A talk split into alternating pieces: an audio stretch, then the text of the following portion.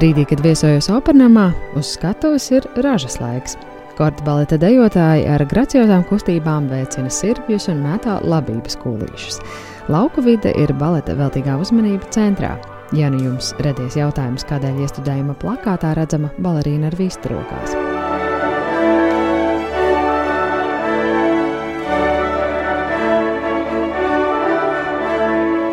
Šī baleta vēsture ir ļoti sena. Choreogrāfs Žants Dobervāls to radīja jau 1789. gadā, iedvesmojoties no mākslinieka Pjēra Antoāna Boduēna darbnīcā tapušās gošas mātes strostētā zemniece.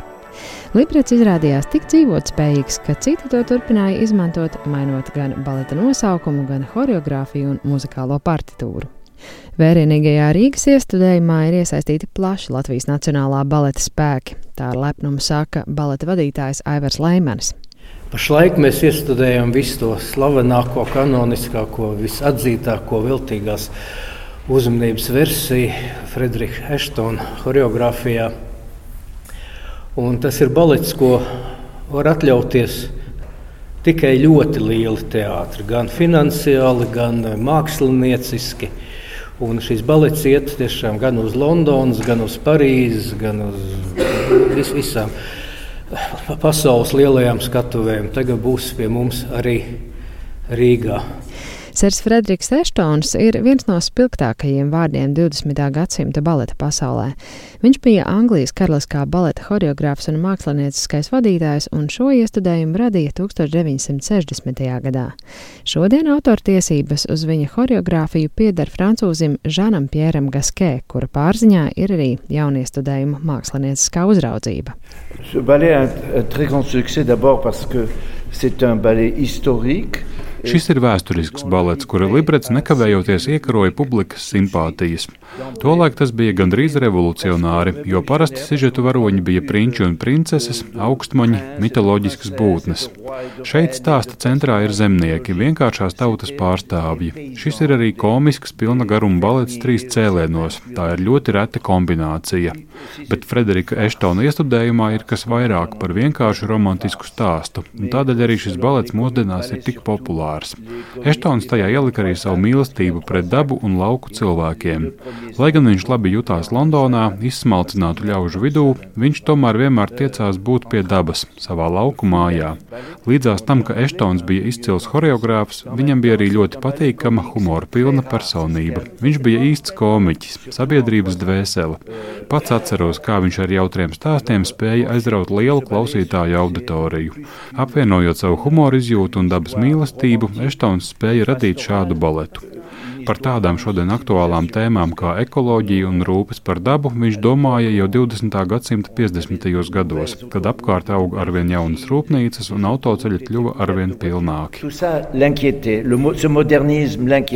Kāds tad ir šī komiskā baleta sižets? Īsumā atraitne Simone vēlas savu vienīgo meitu Līzi izprecināt turīga zemes īpašnieka dēlam Alēnam, taču meitene mīl jauno zemnieku kolā. Lai gan Simone dara visu, lai nepieļautu šīs attiecības, tomēr mīlētāji pārvar šķēršļus un Simonei nākas samierināties ar meitas izvēli.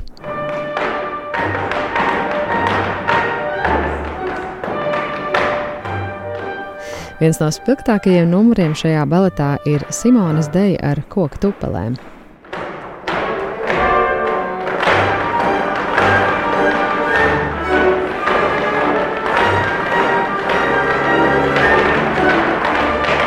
Tie nav ērti apavi. Viņi ir kā tāds viens gabals, kas nelokās. Un...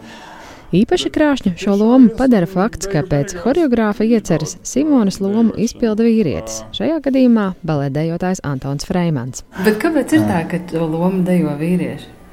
Nu, man arī bija tādi jautājumi, bet viens no mūsu um, repetitoriem un asistentiem, Maiks, teica, ka ja Eštons gribētu, lai to lomu dejo sieviete, arī būtu sieviete, bet viņš īstenībā gribēja, lai tas ir vecs svārkos, vecs brunčos, jā, ka tā ir tāda despotiska sieviete, lauka sieviete, kura gandrīz vai nav sieviete. Un tie brīži, kad viņa izliekās sievišķīga, tā ir, tas ir pa lielam teātris.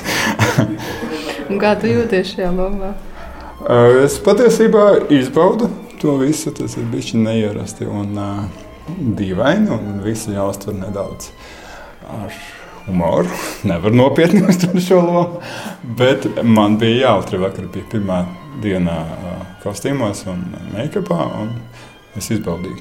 Kāds ir tās kostīms un make-ups? Uf! Tur ir polsterētas krūtis, polsterētais dibens. Nepavēlties, es teicu, ka Kardašana klāns ir uh, piederīgs šai lomai. Un, uh, jā, un parūki un pārmērīgs tās 80. gadu grims. Nu, tā kā rīktīgs drēkuini. Tev vispār padējot? Nu, jā, jāpasvīst. Vairāk svīst no kostīma nekā no dejošanas, bet uh, jā. Savukārt jaunā, nabadzīgā zemnieka kolā loma pirmizrādē uzticēta Filipam Fedulovam. My name is Philip Fedulov. I'm uh, originally well, born and raised in America, in Philadelphia. ASV dzimšais Fedulovs iepriekš dejojas Gruzijā un Latvijas Nacionālā baleta trupē kā vadošais solists pievienojās pirms trim gadiem. The history and the style and it's notoriously difficult for everyone, but especially the soloists.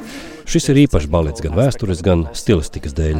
Tas ir slavens ar savu grūtības pakāpi visiem dejotājiem, bet jo īpaši solistiem, jo ir jāspēj apvienot sarežģīto tehniku ar choreogrāfa Eštona īpašo stilu.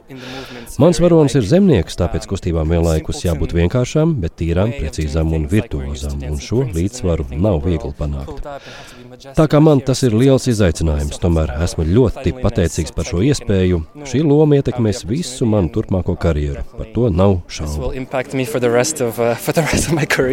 Sure. Otrā sastāvā veltīgās uzmanības pirmajās izrādēs kolā lomu izdevos Darījus Florians Katana, bet galvenajā sieviešu lomā būs Jūlija Brauera un Sabīna Strokša.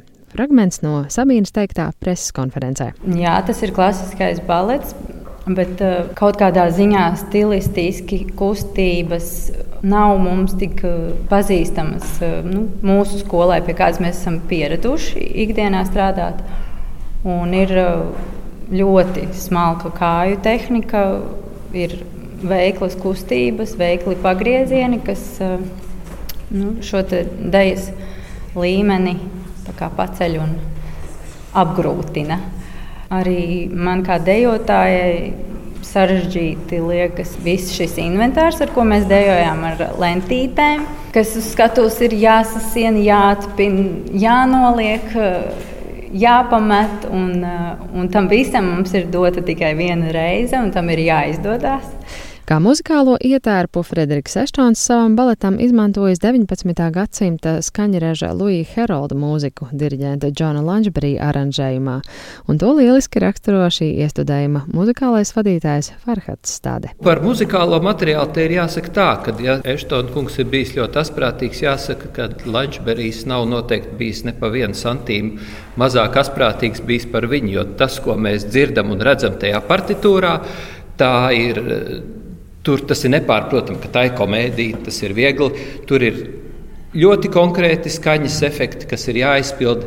Nu, varbūt šeit tāds ļoti plakans piemērs, ja mēs visi labi zinām Tomu un Džeru multfilms, ja, kur katrs soundtrackā ir pilnīgi skaidrs, katra nots ir savā vietā un pasvītro to, kas notiek. Tad šeit ir ļoti līdzīgi. Šeit ir ļoti daudz sīkumiņu, nieku, kas taisni pasvītro to vieglumu, to komēdijas raksturu, tieši dēļas vieglumu, gaišumu, asprātību un noteikti dzīves prieku.